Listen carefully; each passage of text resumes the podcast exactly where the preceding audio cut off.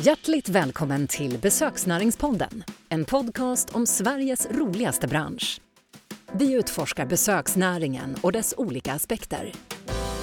Här möter vi entreprenörer, profiler och branschledare för att få deras personliga insikter om aktuella trender, utmaningar och möjligheter inom besöksnäringen. Bakom mikrofonen hittar ni Niklas Ingvall som med sin breda erfarenhet från besöksnäringen leder de spännande mötena. Luta dig skönt tillbaka, för nu kör vi! Då säger jag hjärtligt välkommen till besöksnäringspodden till Christian Sandahl, general manager för Scandic Rubinen i Göteborg. Tack, tack, tack, tack så mycket. Kul att ha dig här. Tack ja. och spännande att få vara här. Ja, och du som du sa, du bjuder på eh, soligt här i Göteborg idag. Det är inte så vanligt. Nej, vi är väl inte helt bortskämda med sol och blå himmel, men idag strålar solen ja. från en fantastiskt blå himmel, så det känns som att eh, våren kanske härligt, är på gång. Härligt, härligt.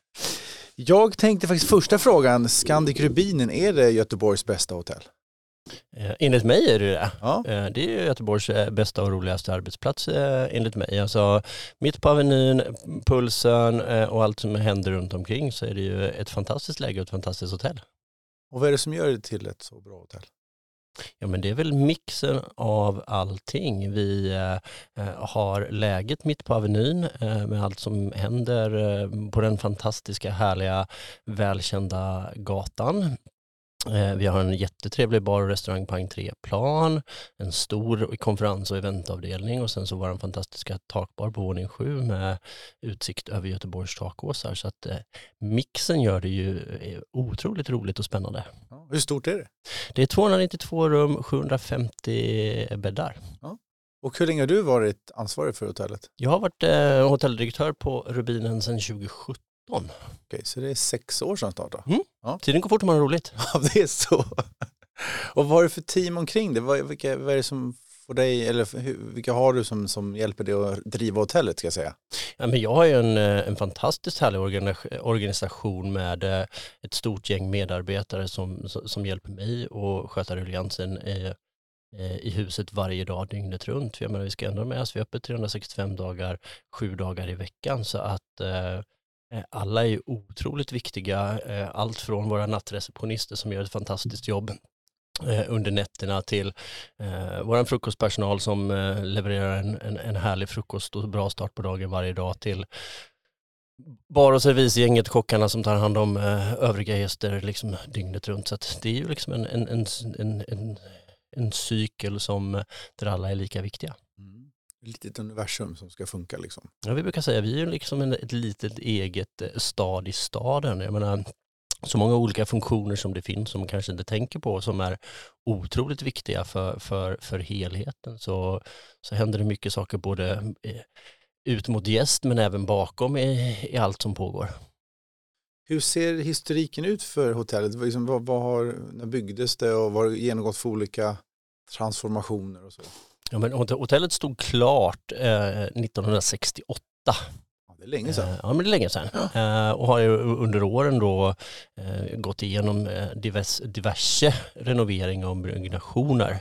Eh, en stor renovering och byggnation gjordes ju och stod klar 2004 och då var det ju ett av Nordens faktiskt första hotell som hade en storytelling bakom. I dagsläget så har ju i stort sett varenda restaurang och varenda hotell liksom en story bakom mm. för att bygga konceptet. Men Rubino var ju faktiskt bland de första i Göteborg faktiskt efter den välkända restaurangen Joe Farellis som har ett, då en storytelling. De var först i Göteborg och sen så var vi nummer två. Eh, och sen så gick vi en jättestor eh, renovering och tillbyggnation 2014 där man byggde till en stor eventdel och eh, lite över hundra dubbel och familjerum. Okay. Och den här storytellingen du pratar om, vad, vad, vad, hur låter den? Hur menar du? Ja, men storytelling, när du säger storytelling, vad lägger ja, alltså när, när, när, man skapar restaurangkoncept eller hotellkoncept idag så skriver man ju egentligen en, en berättelse. Vad, vad, ska den röda tråden vara genom? Vad bygger liksom varumärket bakom, eh, i vårt fall Scandic och liksom Eh, Eh, för våran del är det ju liksom eh, en härlig excentrisk dam som samlade på liksom massa saker och åkte världen runt och eh, samlade till sig. Så det finns liksom ett, en, en röd tråd genom hela huset på den vägen. Och den bygger ni kommunikationen kring Precis, för att bygga kommunikationen om, om Rubinen som varumärke, restaurangen och eh, våra konferenslokaler och inredning och liknande så, så ska, ligger den ju som en röd tråd hela vägen igenom. Vad finns det för fördelar med det? Ja men det, det, skapar ju en, en röd tråd genom hela huset och man kan liksom skapa lite roliga förväntningar både för personal och för, för, för gäster vad, som, vad man kan förvänta sig och vad som händer i, i huset under året. Och sen ingår ni i Scandic, ingår ni en del av Scandic. Vi är en del av, ja. av Scandic. vad, har ni för, vad, vad, finns det för fördelar med det tycker du? Ja men alltså att ingå i Nordens största hotellkedja har ju jättestora fördelar.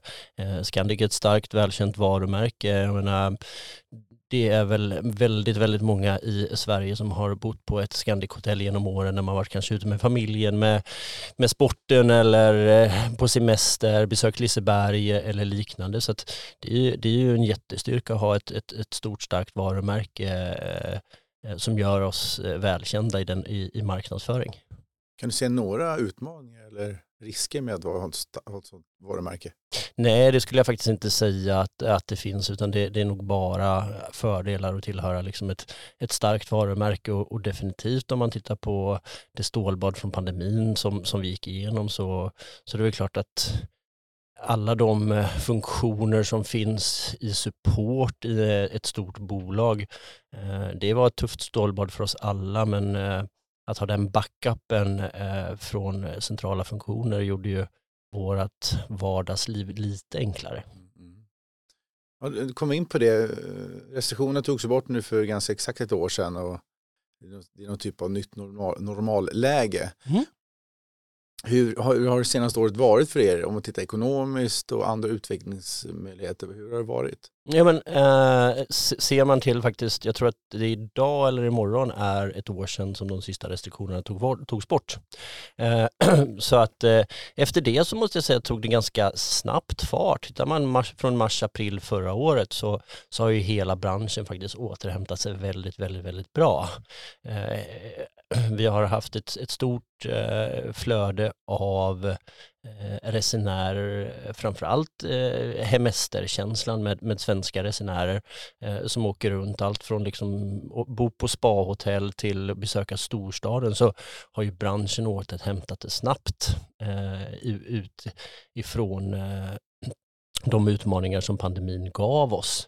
Eh, sen så står vi fortfarande med, med, ganska stora utmaningar vad det gäller kompetensförsörjningen. Vi tappade ju extremt mycket personal, fick tyvärr säga upp väldigt många medarbetare under pandemin och många av dem hittade ju nya eh, yrken, skolade om sig, hittade nya arbetsplatser. Så där har vi fortfarande ett ganska stort hål att fylla med utbildad kompetenspersonal. Men eh, vi gör väl alla olika insatser från branschen för att, för att hantera detta. Så att, eh, jag får säga att det, 2022 gick eh, efter förutsättningarna väldigt, väldigt bra för branschen och det ser positivt ut framåt med tanke på de utmaningar vi har i vår omvärld med det hemska som händer i, i Ukraina till eh, ränteutmaningar, prisökningar så, så ser det ändå positivt ut eh, bokningsmässigt för branschen framåt.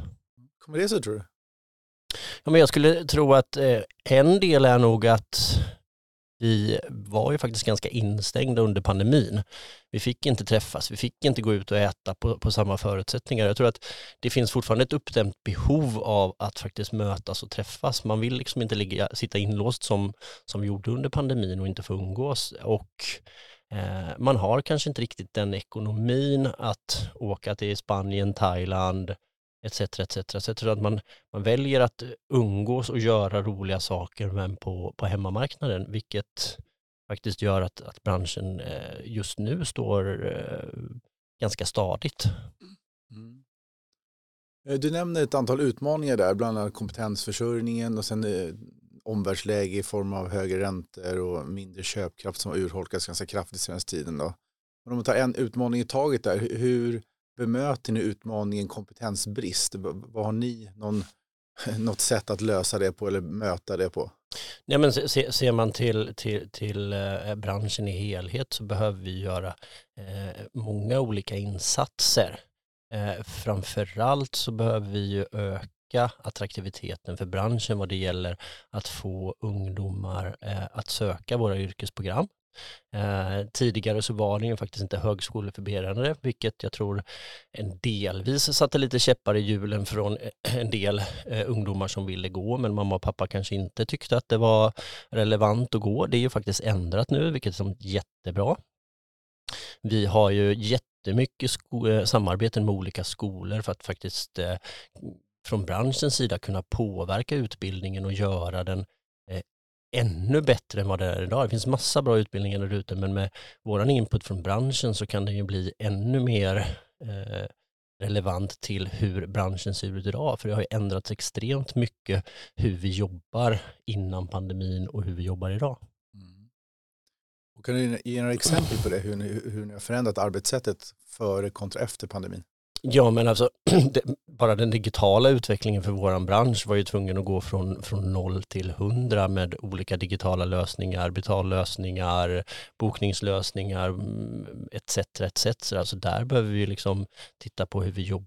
Vi har ju fått eh, eh, titta på andra lösningar, att eh, olika avdelningar jobbar mycket tätare med varandra. Man kanske har kombitjänster där man jobbar frukost housekeeping tillsammans, vilket eh, så här efteråt är ett lyckat skott i alla fall för oss där vi kan göra tryggare anställningar, större användningsgrader och vi får en större variation i arbetet vilket eh, troligtvis på sikt eh, kan minska arbetsskador för vissa yrkesgrupper. Är det så att ni har minskat personalstyrkan efter corona eller, eller är ni tillbaka på samma nivåer som innan eller har ni liksom rationaliserat och effektiviserat? Eller Nej, för vår del är vi i stort sett tillbaka på, mm. på, på samma antal människor fast man kanske man jobbar på, ett annat, på ett annat sätt. Mm, okay. mm. ja, spännande, ja, men det är väl många som nämner det att det var ett sätt att man var tvungen att anpassa sig och då var man också tvungen att prova nya sätt och många av de sätten lever kvar efter pandemin också. Så det, det är någonting gott som har kommit ut den där. Ja men verkligen, för det här är väl kanske då vissa sätt som vi inte hade testat att jobba på tidigare och vi kanske inte hade valt att se det på från, från det hållet. Nu hade vi inget val. Vi var tvungna att anpassa oss utefter de förutsättningarna vi hade under pandemin och eh, strax efter, vilket gjorde att eh, många av de här sakerna blev ju faktiskt väldigt bra eh, även framåt. Så de kommer nog leva kvar. Mm. Vi pratar om utmaningar, vi ska också prata om möjligheter tänker jag. Vilka möjligheter ser du för hotellet framåt nu? Ja men jättestora möjligheter. Tittar man som, som, som Göteborg som stad så jag brukar säga det om vi eh, tittar ut på den blåa himlen som vi pratade om innan och alla byggkranar. Det byggs ju eh, oerhört mycket i Göteborg. Göteborg växer som, som stad och mm. byggkranar är i utveckling eh, och det skapar ju förutsättningar för mer resande in till stan och det ger ju oss en förutsättning att fortsätta bygga vidare och eh, utveckla både hotellet och personalen. Det var de möjligheter som du ser framåt och det känns ju som att det är en ljus framtid nu efter corona och eh, nya möjligheter framåt. Eh, jag är lite, lite intresserad av att eh, höra om dig och din karriär. Nu har du varit sex år sa vi var på Scandic Rubinen som general manager. Yep. Hur, hur, hur, kom du dit? Vad var resan dit? Eh, resan dit, alltså i, i, i grund och botten så är jag kock. Okay. Uh, eh, utbildad kock, uh, gick eh, hotell och restaurangprogram för många år, sedan med inriktning kök, var helt övertygad om att kock, det är vad jag ska vara hela livet, men insåg väl på resan där att mötet med, med, med gäst var något jag saknade. feedbacken vi fick från servis eller liknande var ju oftast eh, maten var bra, det smakar bra eller någon för lite salt eller för mycket salt eller de här. Men de här liksom diskussionerna och mötet med gästen, ja, jag, jag kände en avsaknad av det vilket gjorde att jag började hänga mer och mer i matsalen och på den vägen så på ett bananskal så halkade jag in på, på Scandic 2004 eh, som restaurangchef. Okay. Var kom kockintresset ifrån? Eh, kommer från min, eh, från min morfar. Jag hade nöjet och förmånen att eh, växa upp och bo granne med min mormor och morfar. Så att jag kunde springa över till morfar eh, när eh, som möjlighet fanns. Eh, och morfar var väl lite unik i sin generation, född tidigt eh, 1900-tal. Eh, men var faktiskt den som lagade all mat och bakade eh, allt i eh, mormor och morfars hushåll, vilket kanske inte var helt eh, normalt i, i den generationen. Eh, så att jag hängde med morfar i köket eh, eh, och bakade och lagade mat så länge Så han blev en liten förebild kan man säga. Absolut, Ja, ja. och den som liksom någonstans skapade ma- mat, matintresset hos mig och, och få laga mat och, och, och skapa vilket var superkul. Roligt, ja verkligen. Så då, då föddes idén av att det här skulle jag vilja jobba med, det här skulle jag vilja... Ja, ja, jag var liksom helt övertygad om eh, när man satt hos syokonsulenten där i, i nionde kla- klass och eh, man skulle välja inriktning av gymnasielinjen Ja. så var det liksom bara restaurangskola, kock, det var liksom ingen Det var här i Göteborg då? Nej, jag är eh, född och uppvuxen i, eh, utanför Tranås, Jaha, okej. så Småland. ett, eh, Småland. Eh, så gick restaurangskola i Tranås på Hålavidsskolan. Okej. Och sen flyttade du till Göteborg efter det då, eller? Nej, jag har jobbat, eh, levt i kappsäck i några år, jobbat lite Sälen, jobbat lite År, jobbat i Lysekil på, eh, på sommaren. Så att Det är jag, fördel med kockjobbet, man är ju en flyttbar. jajamensan. Och fördelen med hela branschen, alltså det finns ju ett, eh, ett, jobb överallt för den som eh, har en fot in i branschen. Så Ja. att, eh, när jag landade in här i Göteborg 2004 lite på ett bananskal, fick ett vikariat på, på Scandic eh, Opalen, vägg i vägg här och på den vägen är det. Ja. Så att, eh, Så du har varit i Scandic snart, och nästa år blir det 20 år då? Tiden går fort när man har roligt. Det är ju så. Hur skulle du beskriva Scandic som, som arbetsgivare? Ja men alltså en, eh, en fantastisk arbetsgivare. Jag, jag menar jag har Scandic att tacka för jättemycket i, eh, i min resa i, eh, i branschen. Eh, Scandic är ett företag där man verkligen tar tillvara på eh, individerna och möjligheten att utvecklas oavsett om man vill utvecklas eh, uppåt och, och liksom klättra på karriärstegen eller om man bara vill utvecklas i det yrket man, man är så finns det ju jättestora möjligheter med både interna och externa utbildningar eh, i bolaget.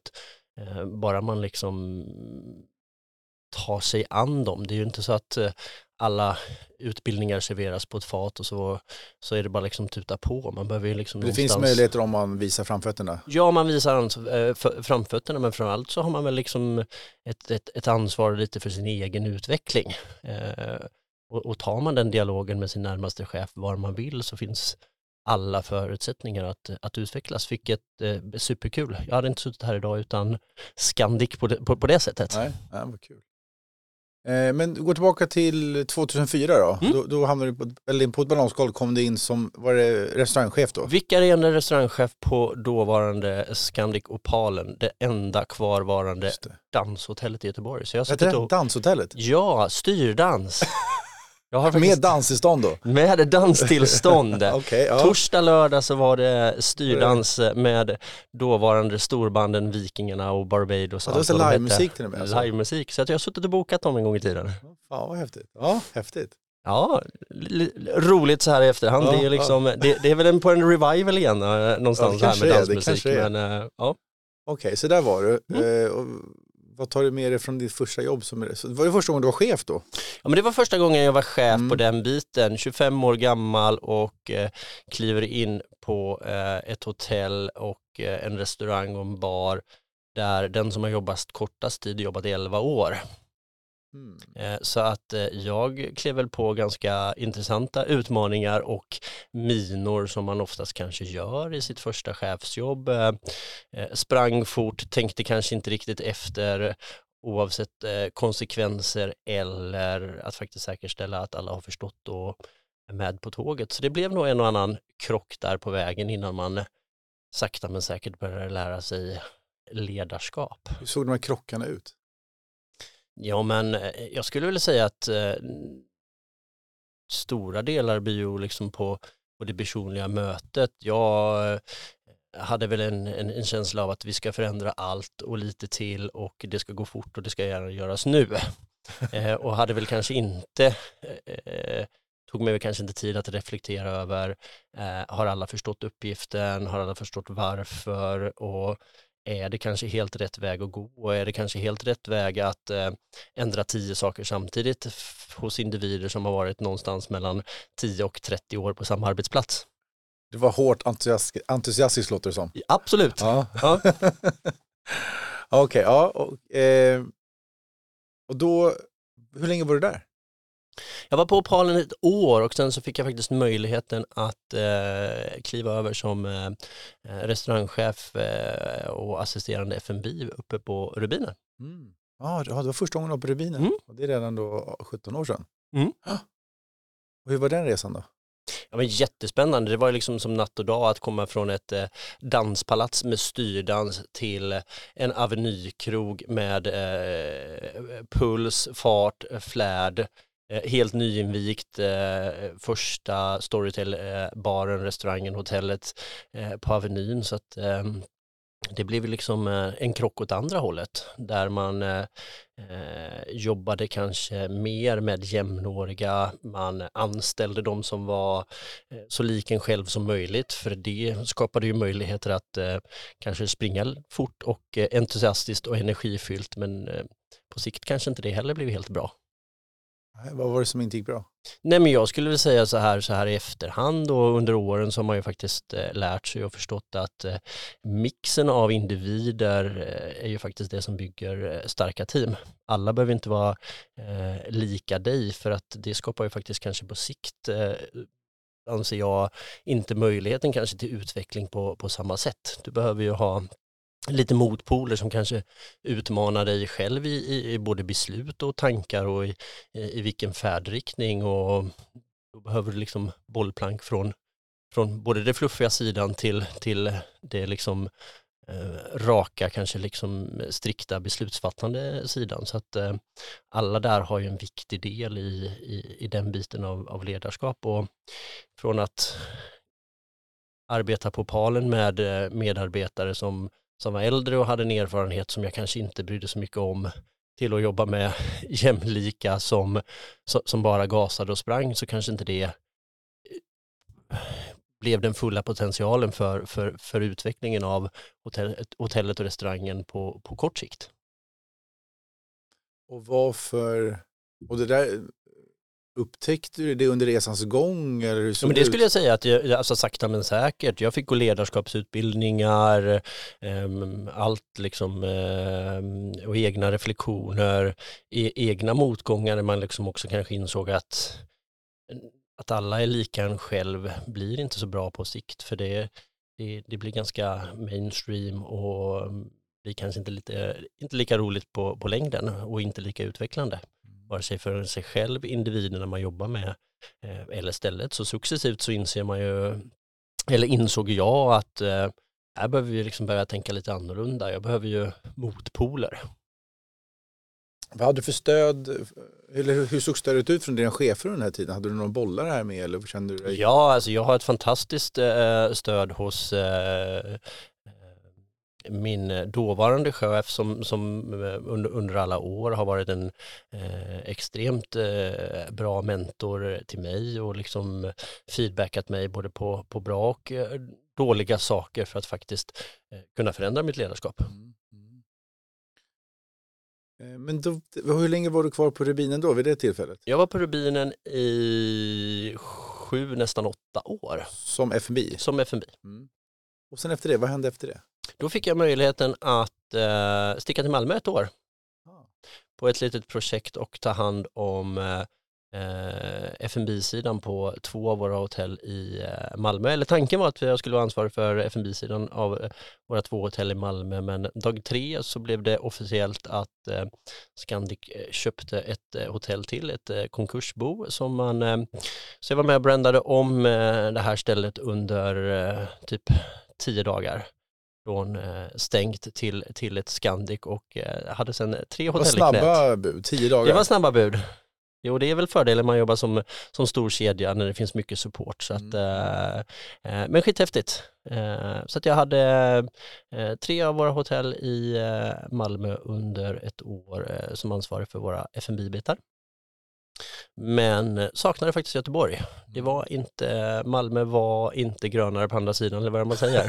Gräset, ja, precis. Gräset är inte grönare på Men andra under det här sidan. året då, för det var ändå, går då från en, en, en enhet med FNB då till tre enheter, det är ändå ett, ett steg att ta. Vad, Mm. vad tog du med dig från, från, den, eller från den tiden? Ja, men från den tiden skulle jag säga att eh, vikten av att faktiskt eh, delegera, eh, hitta medarbetare eh, som du litar på, alltså bygga den där gemensamma trusten. Eh, jag litar på dig, du litar på mig. Eh, jag vet att eh, det fungerar när inte jag är här och jag finns ett samtal bort eller liknande eh, för att faktiskt eh, dygnet har ju inte mer än 24 timmar och tanken är ju inte att jobba alla dem så att Eh, verkligen vikten av att, att, att bygga team och, och relationer för att eh, kunna delegera och få driften att fungera även när man själv inte är på plats. Mm.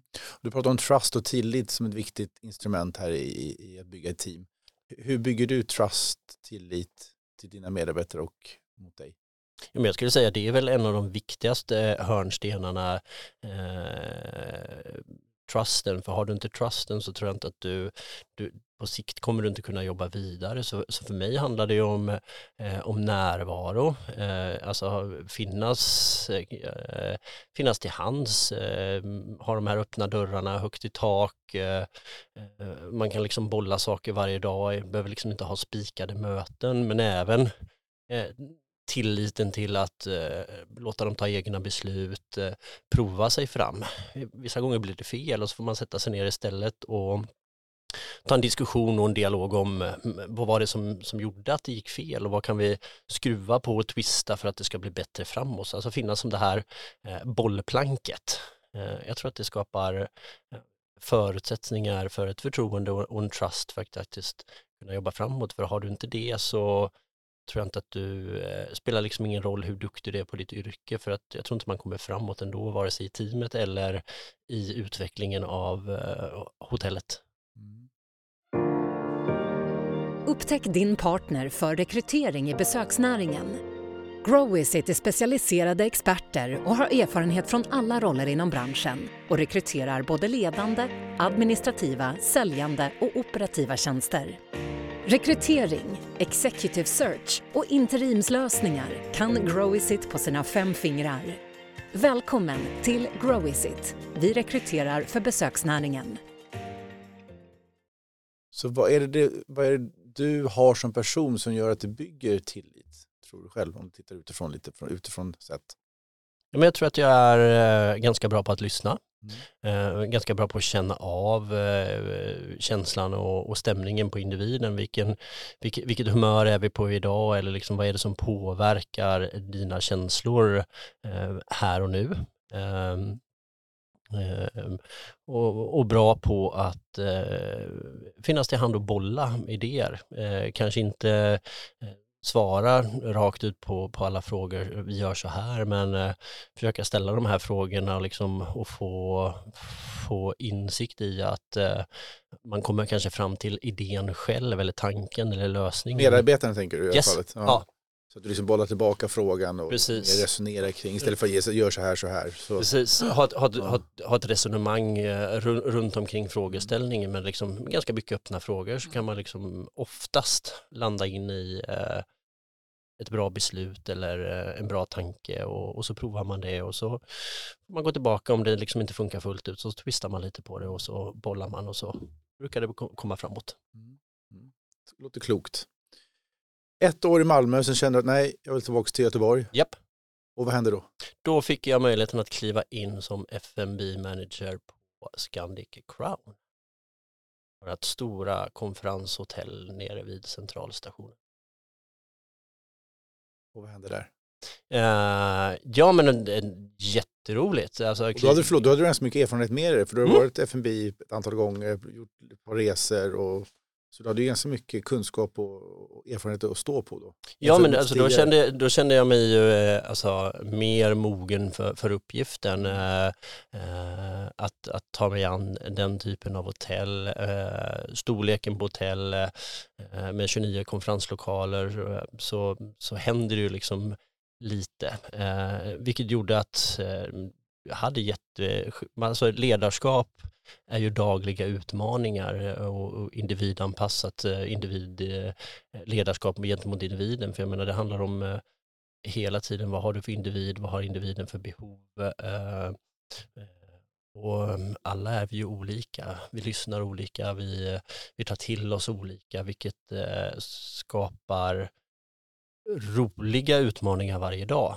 Så att eh, på Crown så började vi liksom någonstans tror jag samla ihop eh, verktygslådan med att inte som från eh, opalen springa för fort till rubinen där alla skulle vara lika verktygen från, från Malmö där man faktiskt eh, började bygga den här trusten, eh, bygga tilliten eh, och skapa fungerande team som faktiskt fungerar utan att man själv är på plats 24-7.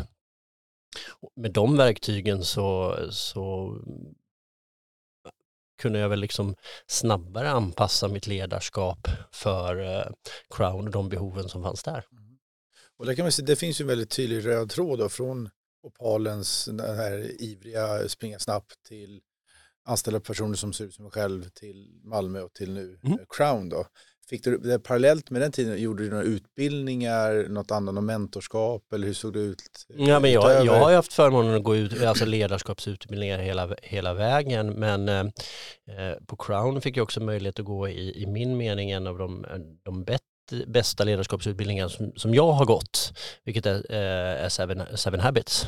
Eh, liksom för att eh, någonstans bygga på sin, sin egen självinsikt och faktiskt eh, eh Seven Habits tycker jag bygger liksom lika mycket på eh, att du ska fungera eh, privat som i din arbetsledarroll och du kan ju faktiskt applicera många av de här sakerna i ledarskap även hemma eh, för att få din privata relation att fungera bättre och din arbetsrelation som ledare att funka bättre. Och, eh, vi har ju alla eh, kanske slåss över den här dåliga samvetet att vara tillgänglig hemma på jobb och så hittar man kanske inte riktigt gränsdragningen och jag måste säga att Seven Habits är grym på att Eh, ge dig verktyg för att faktiskt fokusera på de saker som är viktigt, det som du kan påverka.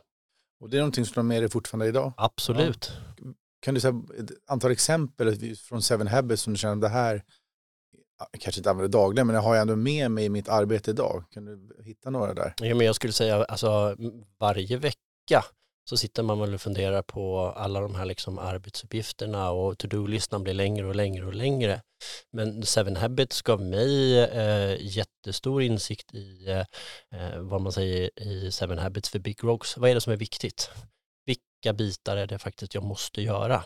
Jag kan inte göra alla och jag kommer liksom inte hinna med alla. Behöver man ju någonstans börja sortera ut vilka är viktiga. Eh, så börja göra det och eh, även eh, fokusera på de saker man kan påverka. Det är ju så mycket där ute som man faktiskt inser att det spelar liksom ingen roll hur mycket tid och energi jag lägger på det här, för jag kommer inte kunna påverka omvärlden. Eh, och kan man då lägga den energin och tiden på, på de saker du kan påverka så, så blir vardagen lite lättare i alla fall. Mm. Mm. Klokt. Crown, där var du FNB, hur länge var du där? Eh, FNB på Crown var jag i tre år, fram till 2013. Eh, men med ett sidouppdrag som eh, FNB på Europa. Oh, under samma period, mm. under förberedelserna för renoveringen av Europa, den stora renoveringen som, som man gjorde där med restaurang och bar, konferens och alla rum. Och i en konstellation Crown Rubinen under en rekrytering för ny FNB för Rubinen.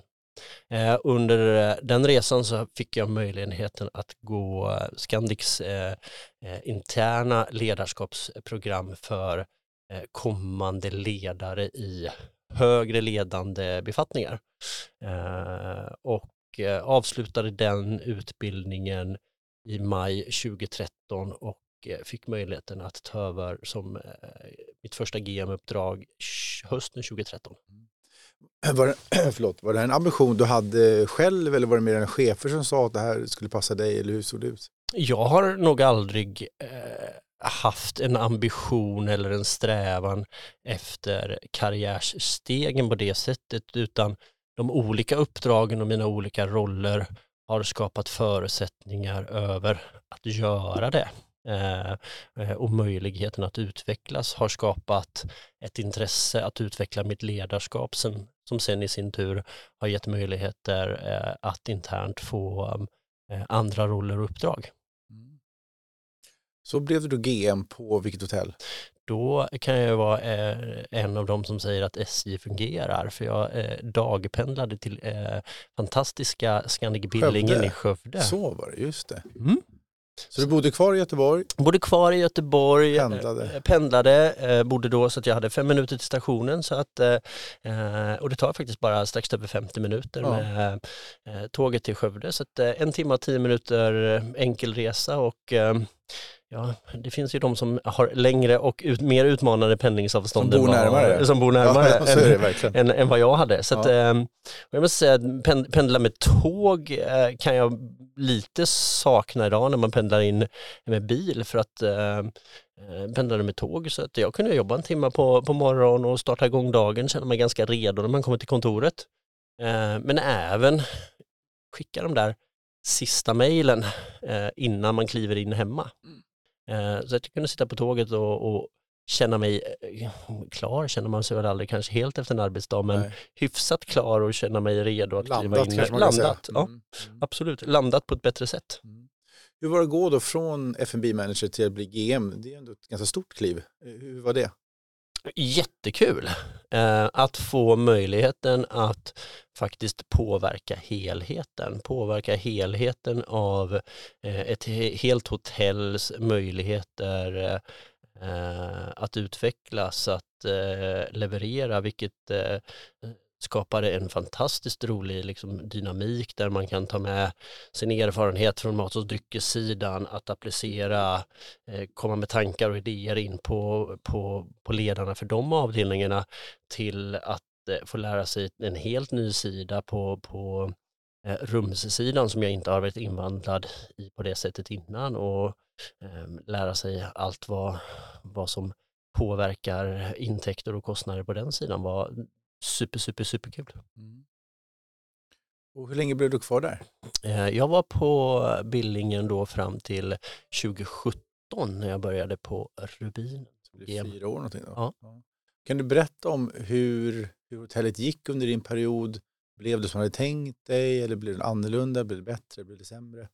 Ja, men jag, jag hade en fantastisk tid i, i, i Skövde och, och på Billingen och eh, så här i efterhand kan man ju se till att det är ju eh, extremt olika hur man eh, eh, driver hotell i en stor stad som Göteborg där man delvis blir ganska anonym till att driva ett hotell i en mindre stad, i en mindre ort där hotellets betydelse har extremt stor vikt för staden.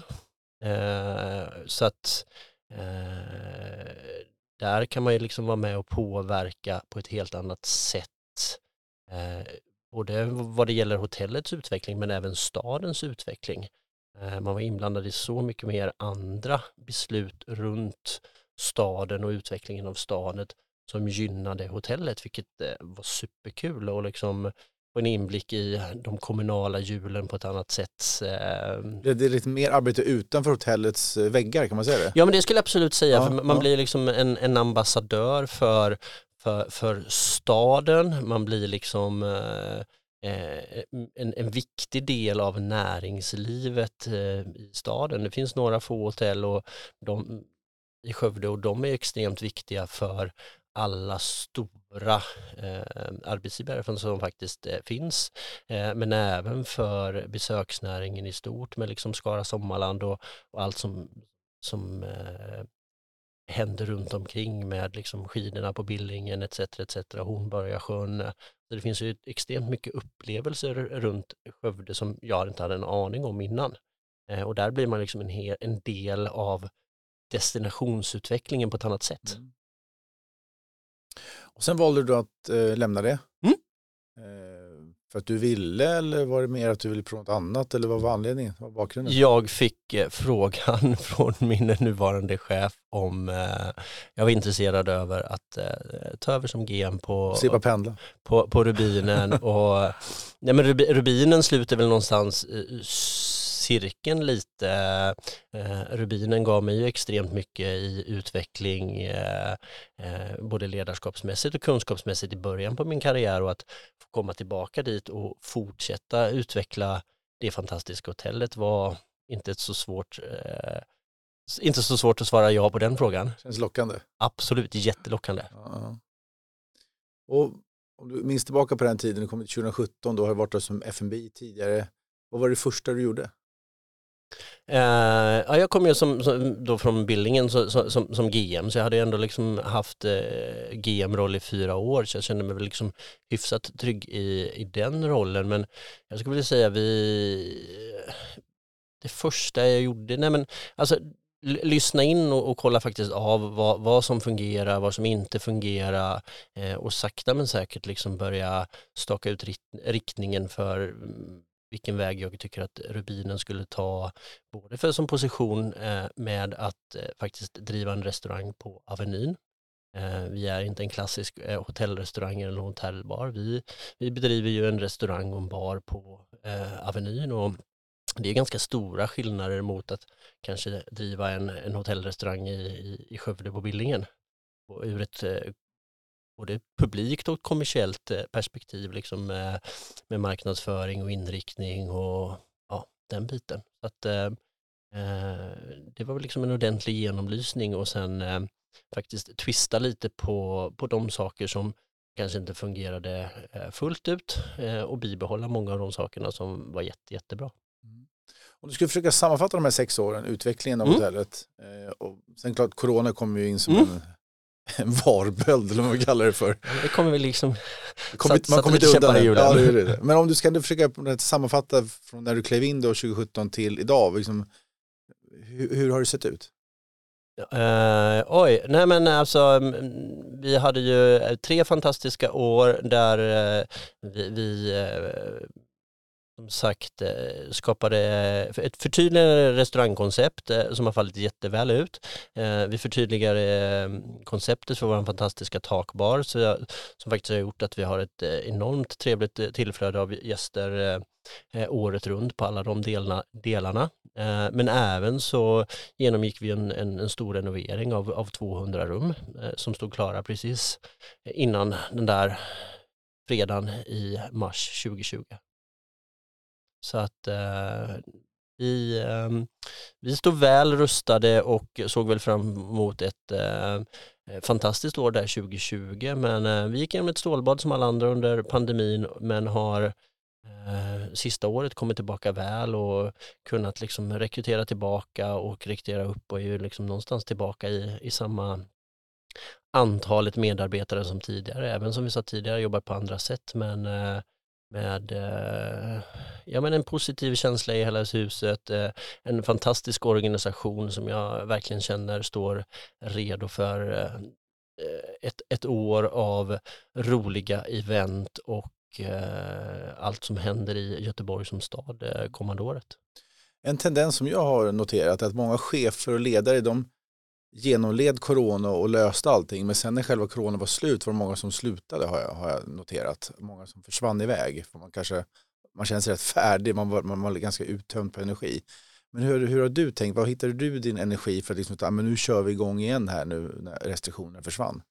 Men jag skulle säga alltså pandemin var ju liksom fruktansvärd för oss alla. Jag menar sitta, sitta på löpande band och eh, säga upp medarbetare är väl eh, bland det hemskaste man har gjort. Liksom, eh, man vet hur mycket jobbet betyder för alla och eh, den biten. Men någonstans där eh, så bestämde jag mig också för att alltså, pandemin är ju inte här för att stanna för evigt. Vi ska tillbaka och vi ska liksom göra möjligheter för, för eh, så många som möjligt att faktiskt komma tillbaka. De som ville har kommit tillbaka eh, och anställa nya fantastiska medarbetare för att eh, ha en motor i eh, den integration som, som, som faktiskt besöksnäringen är med ett första jobb och, och, och bitar. Och att idag faktiskt kunna eh, sitta och känna eh, faktiskt eh, glädje och stolthet över att anställa nya eh, medarbetare och eh, faktiskt se hur branschen väcker skapar ju en enorm energi. Mm. Eh, vi har pratat en hel del om ditt ledarskap och den utveckling du har gått igenom från dina första ledarskapserfarenheter till idag. Om man skulle fråga kollegorna på hotellet, dina närmsta medarbetare men också övriga medarbetare på hotellet, hur tror du de skulle beskriva dig som chef och ledare? Du ler lite då. ja, men jag skulle nog säga att de skulle beskriva mig som eh, energifylld, eh, eh energisk, eh, men en eh, god lyssnare med ett, eh, ett bra lugn när det behövs. Mm. Hur yttrar det sig? Nej men alltså min dörr står alltid öppen oavsett om det är roliga samtal eller tråkiga samtal och mm, jag tror att eh, när dörren väl behöver stängas och man behöver eh, faktiskt lägga extra fokus på att lyssna eh, extra noga på hur en medarbetare mår så, så blir jag nog väldigt lugn och lyssnande och mm. kommer, kan nog komma med lite bra inspel för att faktiskt hitta en lösning framåt oavsett om det är ett jobbrelaterat eller ett privat problem. Mm. Mm. Så hur, hanterar du det här? Du pratar om både privata och eh, arbetsmässiga problem. Är det någonting som du vill hantera eller tycker att det hör till privatlivet? Nej, alltså jag, för mig så handlar det ju liksom om, eh, jag träffar ju mina eh, kollegor och medarbetare mer än vad jag träffar min familj. Så de är ju i förlängningen min, min, min andra familj och, och, för mig är det ju jätteviktigt eh, att vi kan ha en dialog om både arbetsrelaterade saker men även privata saker för någonstans påverkar det ju hur de mår och hur de presterar.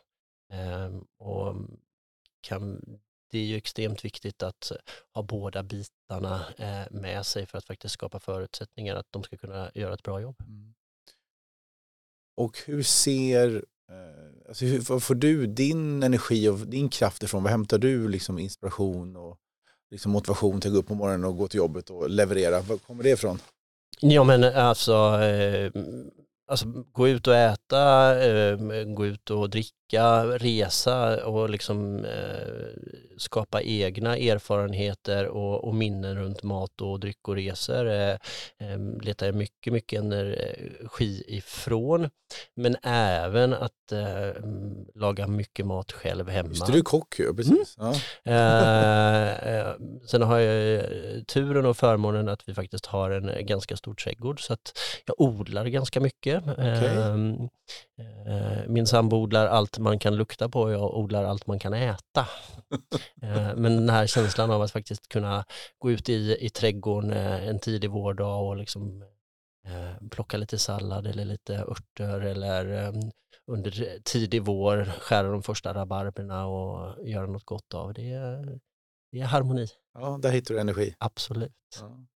Och då kom vi in lite på det, på dig som person. Vi pratade om ledarskap, vi pratade om karriär. Men om, hur skulle du själv beskriva dig som, som personen, Christian? Men det går nog lite hand i hand med eh, hur mina kollegor skulle beskriva mig. Men eh, energifylld, eh, entusiastisk, eh, försöker väl i största möjliga mån eh, se så lite problem som möjligt utan, utan lösningar Ehm, och hitta energi och positivitet eh, via det. Och mm, det finns ju en, en excentrisk man i, i branschen som heter ehm, eh, Petter Stordalen som, som älskar måndagar och mm, kan väl säga att jag älskade måndagar innan jag ens hörde att Petter eh, pratade om måndagar till mina kollegors förtret. Men det är ju faktiskt eh, någonstans en ny vecka att eh, göra nya fel på och eh, efter det rätta till dem. Vilket tycker du är ditt livs största framgång?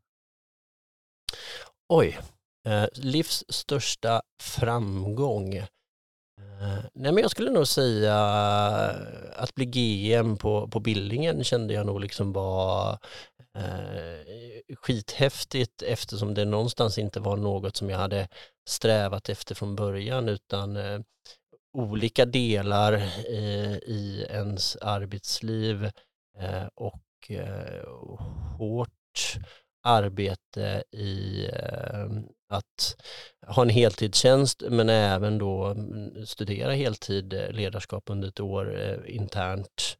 Eh, kändes väl extremt eh, roligt att eh, få den eh, credden eh, bara någon månad efteråt. Mm.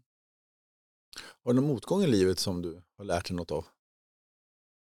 Ja, men jag tar nog med mig alltså, motgångar under hela min resa nu när man liksom tittar tillbaka för liksom, från Opalen, från, eh, från, från Crown, från eh, Malmö. Det finns liksom bitar som man liksom plockar med sig hela vägen på, på, på fel beslut man har tagit, eh, eh fel tankar som man liksom kanske har haft med sig till det här eh, enskilda samtalet som inte alls eh, kanske slutade som man hade tänkt sig på, på, på ett positivt sätt. Alltså man tar ju med de här lärdomarna hela vägen för att eh, hela tiden försöka eh, förändras och förbättras. Mm, mm.